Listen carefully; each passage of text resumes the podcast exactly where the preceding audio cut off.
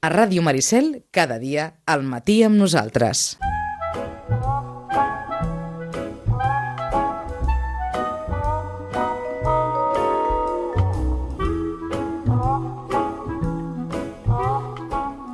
I avui, parlar, per parlar d'animals, com sempre, amb l'Eduardo Tobaja, Tobaja perdó, de la sala Veterinaris Gorón, hospital, jo ja no sé com dir-ho, perquè com que heu canviat, ara tenen, ja saben que tenen aquell hospital allà a les Proelles, continuen també el carrer Espalter, ja els coneixen, bon dia, Buenos Eduardo. días, buenos días. Avui anem a parlar un tema molt interessant, sobretot si sou persones inquietes, que us moveu, que viatgeu i que també teniu animals i teniu mascotes. I potser també pensant, doncs ara potser no és moment massa de viatges, però això és un tema que s'ha de preparar, s'ha d'organitzar. Com viatjar amb mascotes és el tema eh, del dia d'avui. D'entrada, la primera pregunta és, cal planificar? Hay que planificar desde que se adquiere una mascota, teniendo en cuenta pues, nuestras expectativas, sobre todo cuando, cuando nos proponemos en, esto, en, en este inicio de año viajar más o tenemos un estilo de vida, somos de otros países, nuestras familias están en otras comunidades autónomas, en otros países y tenemos esa costumbre de viajar con cierta frecuencia, pues hay que planificar a la hora de, de adoptar o de comprar una mascota. Per tant, d'entrada, en el moment en què algú decideix adquirir una mascota, és un plantejament inicial que s'hauria de fer. Soc una persona que viatjo molt, si viatjo molt, què faré amb el meu animal quan viatgi jo? Perquè, clar, aquí el ventall, la- el abanico de posibilidades és mucho, ¿no? Cuando uno viaje, cuando uno viaja. D'entrada, la més fàcil seria que te'l cuidi algú.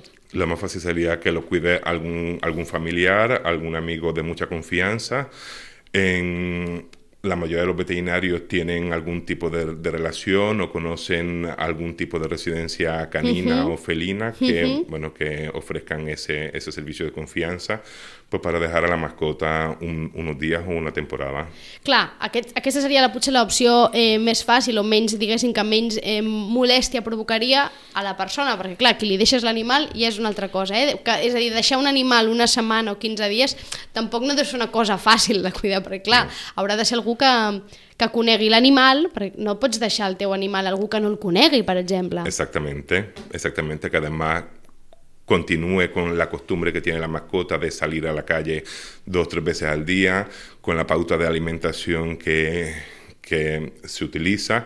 Si la mascota padece de alguna enfermedad crónica, tipo diabetes, por ejemplo, hipertiroidismo, o enfermedades que requieren una, una medicación diaria, una, dos, tres veces al día, pues hay que tenerlo en cuenta. Per tant, com que aquesta opció ja sabem que no és gaire fàcil, perquè clar, als avis, a los abuelos los podemos explotar, però hasta cierto punto, no? Potser hi ha algú que diu, bé, la criatura te la cuido, el gos ja et busca la vida. Hi ha aleshores qui opta per viatjar amb l'animal. I què hem de fer? D'entrada, què és el primer que hem de fer quan decidim que el nostre animal viatgi amb nosaltres? Pues lo primero es identificarlo mediante microchip. No- Una mascota que, que va a viajar, ya sea transporte aéreo o transporte terrestre, tiene que estar identificada en todo momento. Entonces, a la hora de adoptar o de adquirir una mascota y tenemos intenciones de viajar con ella, hay que asegurarse que la mascota esté debidamente identificada y que ese método de identificación se corresponda con los datos correctos y actuales del propietario en la provincia y en la, y en la, y en la comunidad de autónoma donde se viva. És a dir, vindria a ser com actualitzar el passaport, no? És a dir, el passaport de la mascota ha d'estar en ordre. Exactamente. Eh, dependiendo también del país de, de destino, si es un Estado miembro de la Unión Europea o si es un país tercero a la Unión Europea, pues ya los requisitos van a, van a cambiar. Per tant, ens haurem d'informar, és a dir, depèn d'allà on viatgem, haurem d'informar-nos de com podem portar una mascota, com la podem rebre un cop allà, què hem de fer, perquè Exacte. ca- cada país deu tenir les seves normes no? i les seves regles, las, diguéssim. sí, y por desgracia no podemos, los veterinarios no podemos sabernos la legislación de cada, de cada país. En, el- en la página del Ministerio de Agricultura y del Medio Sí. Suelen tener un, un apartado donde eh, salen algunas especificaciones para viajar con mascota en territorio de la Unión Europea eh, y a terceros países, pero también hay que tener en cuenta que cada país o algunos países tienen una, una, una obligación, una legislaciones completamente diferentes o añaden un plus extra, sobre todo para aumentar la seguridad en la importación de la mascota, porque al fin y al cabo, aunque sea una mascota de compañía, se considera exportación de animales. Entonces, a nivel legal, cada país tiene su, su, su legislación. Perquè al final el que has de demostrar d'alguna manera quan viatges és que aquell animal forma part de la teva família no? i no estàs doncs, això fent tràfic d'animal o agafant un animal que no pots d'algú, és a dir, has de demostrar que forma part de la teva família, que és un membre més de la teva família. Exactamente, y que está exento de enfermedades infecciosas que bueno, podr- podrían ser objeto de introducción a- al país destino, sobre todo si ese país se encuentra libre de esa enfermedad. Els animals han de viatjar sempre amb aquestes maletes, els transportint, que els hi diuen? Sempre han de viatjar amb això? Sí, Sempre, eh? Sí. Sigui cotxe, sigui autobús, sigui avió, sempre han d'anar amb un siempre transportint. tienen que estar en un transportín. Aquí la legislación varía en función de si es un perro de trabajo, tipo para, lo- para las personas invidentes, obviamente meter ese- eso- esos animales pues tienen, normalmente suelen tener un cierto tamaño, para que meter un transportín en, en una, en una cabina de, de avión o de, o de autobús es un poquito más complicado.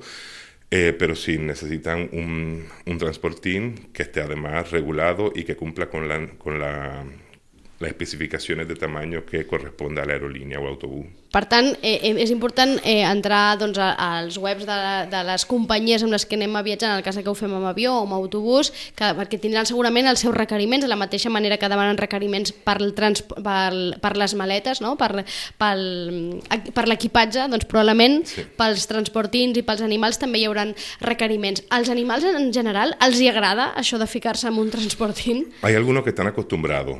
Hay algunos que están acostumbrados, desde pequeños los sensibilizaron, pero obviamente no es fácil estar en un transportín durante cuatro, cinco, seis horas seguidas en caso de los viajes que son bastante, bastante largos, sobre todo en avión. En coche normalmente la gente suele parar a hacer descanso cada cierto, cada cierto tiempo, estiran las patas, etcétera, pero en un avión de esos de 8, 9, 10 horas, pues obviamente la mascota está en ese tiempo en el, en el transportín y no se mueve. Entonces hay que sensibilizarlo desde pequeñito.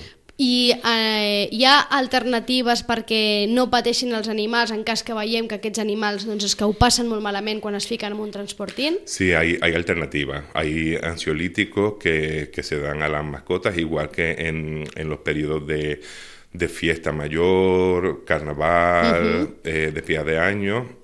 La pirotecnia en general, pues hay, hay ansiolíticos de más o menos duración que bueno ayudarán a la mascota a estar pues más calmada, dormida, tranquila, sin llegar a un estado de, de sedación propiamente dicha. Això entenc que sobretot es demana en casos de viatges llargs no? i en avió, on els animals d'entrada no poden viatjar en cabina, no? han d'entrar en bodega, hi ha un pes determinat, no un pes límit, no? Sí, eh, normalmente, bueno, cada, cada aerolínea tiene sus especificaciones diferentes, pero por lo que por lo que he estado investigando y mirando, normalmente aceptan, se pueden viajar animales en cabina eh, hasta un máximo de 8 kilos, incluyendo el transportín.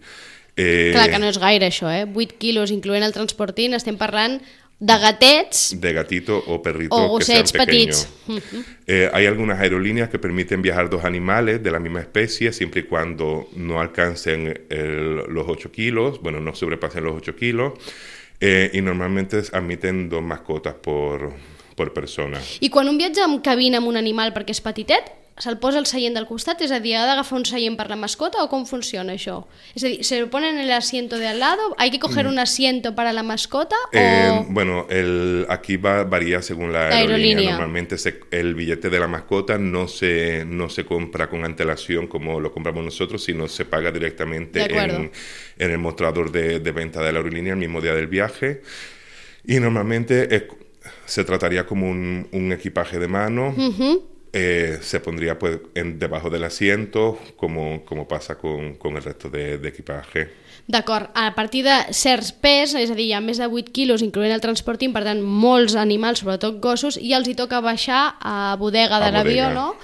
que en aquest cas doncs, és aquest espai que és més fred i que depèn de les hores que s'hi hagin d'estar, potser sí que val la pena sedació, no? Exactamente, exactamente, y sobre todo el transportín que sea cómodo, impermeable, eso sí lo exigen las aerolíneas, y bueno, que estén tranquilos, que estén tranquilos y obviamente que estén libres de enfermedades, están en un espacio reducido, donde, bueno, los animales respiran, si toses, si estornudan, si están malos, pueden contagiar otros animales que estén, que estén ahí.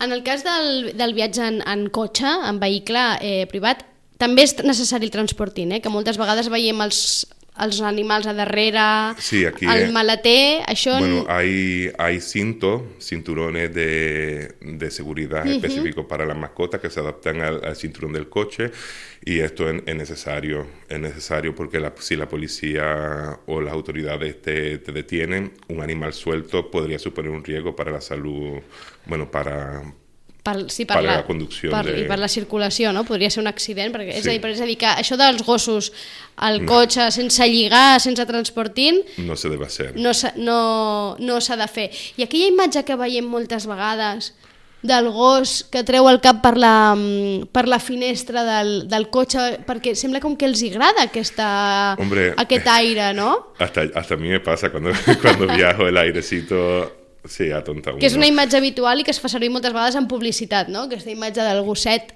traient la, la Claro. cara per la finestra. Es publicidad al fin y al cabo. Realmente luego si esa mascota se estresa puede intentar saltar. Es un, es un, Per tant, un és peligro, perillós, no? es És a dir, deixem-ho en, en cosa publicitària, però quan portem un, un, una mascota al nostre vehicle, doncs o ve amb un cinturó adaptable o amb un transportint, és a dir, amb, amb alguna equipació, diguéssim, correcta, no? Eh, quan els animals arriben a destí, quan llegan a destino, eh, ¿cómo, ¿cómo están después de los viajes? Están ansiosos, están con ganas de salir del transportín. Si son animales que están bien educados, que se han aguantado sus necesidades, pues tendrán ganas de, de- de ir al baño, a pues hacer pipí, hacer. Clar, perquè hacer aquesta és caca. l'altra. Eh, quan estan en l'avió, per exemple, amb un transportint, les seves necessitats les fan allà. Claro. No, hi ha, no hi ha ningú que els vagi a treure. I amb un vehicle entenc que el conductor també ha d'anar pensant que el animal tiene que hacer sus cositas. Eh, Normalmente en, en viaje terrestre el propietario para cada cierto tiempo, ya sea para, para el propio conductor de pues, estirar las piernas, etcétera, pues también lo ha- también sacan a la mascota en el, via- en el avión, no en, la- en el avión. Algunas mascotas sí se hacen sus necesidades por, por nerviosismo, pero otras otras no, otras están bastante, bastante bien educadas y, y se aguantan. Ya. És, és cada vegada més habitual que viatgem amb les nostres mascotes? cada vez es más habitual, cada vez más habitual y sobre todo en determinadas épocas del año, pues eh, en los veterinarios notamos esa, esa afluencia de, de gente rellenando pasaportes, intenta, bueno, dando de alta pasaporte, certificados de salud. No, etc. pregunto perquè també, per exemple, i ara ja, i, ja no, no és una cosa estranya, hi ha molts eh, establiments hotelers, hotels, que també posen que són eh, ad- eh, accepten animals, Animales. no? I hi ha molta gent que, doncs, que busca un, una destinació turística també pensant en el seu animal, no? que Sí. sigui un bon lloc pel seu animal. Sí, eso es importante a la hora de elegir un destino y, la, y el alojamiento que sea pet friendly. Bueno, si queremos viajar con la mascota y que esté con nosotros en todo en, en todas esas vacaciones. Pero sí hay, y cada vez más la, la sociedad se está, de- está teniendo esa tendencia. Cada vez más hay los hoteles, los alojamientos son pet friendly que, que bueno, aceptan los animales porque ya forman parte de, de la familia o del, o del núcleo familiar. accepten doncs, això, que formen part del nucli familiar, si no ja ho saben, que sempre hi ha l'opció doncs, de buscar algun amic, un Sí. familiar, algú que estigui disposat a cuidar de l'animal. Clar, potser si és un dia o dos dies deu ser fàcil de trobar. Clar, igual si marxes 15 dies o marxes un mes, Es un poquito más complicado. la cosa es complica i el que ens explicava l'Eduardo, que sobretot quan encara que hi ha algun amic, algun familiar tingui la voluntat de cuidar-nos l'animal, aquesta persona ha de conèixer aquest animal, ha de tenir una mica de, de, de coneixement de qui és i l'animal l'ha de saber també una mica qui és, perquè amb Exacte. un desconegut segurament serà un estrès per Serà l'animal. Perquè no sé si un animal entén que tu marxes de vacances i tornes. No, no lo suelen entender. Lo- de hecho, mi, mi perrita desarrolló eh, ansiedad por separación cuando me fui de, de- de vacaciones, aunque se la dejé con mis compañeros de piso, que ya lo conocían y jugaban con, con él. Claro, me fui, me fui un mes, la perrita, pues no llegué un día y, y bueno, cogí un poquito de, I, quan, ansiedad. i, què, i què, quins símptomes tenen? És a dir, l'ansietat per separació, quins símptomes dona? Pues, ah, pues no se separan de, no se separan de uno, excesivas vocalizaciones cuando intenta salir de casa, algunas mascotas suelen ser destructoras, se hacen necesidades en, en lugares en casa.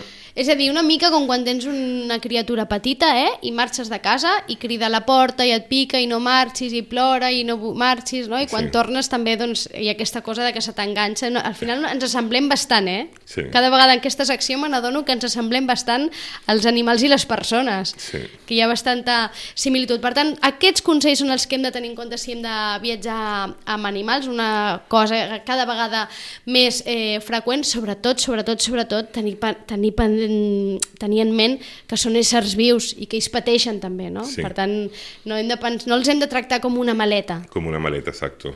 Hay que tratarlos, pues, Pues como seres vivos, como miembros de la familia que sienten y padecen, tienen miedo, tienen fobia y tienen necesidad Clar, el que passa que amb, amb un nen, per exemple, no, la comparativa amb el nen que potser és més fàcil, quan té por li parles, li expliques i potser el calmes. Clar, això amb un animal no sé si funciona. En un animal no suele funcionar porque además suelen ser refuerzos negativos.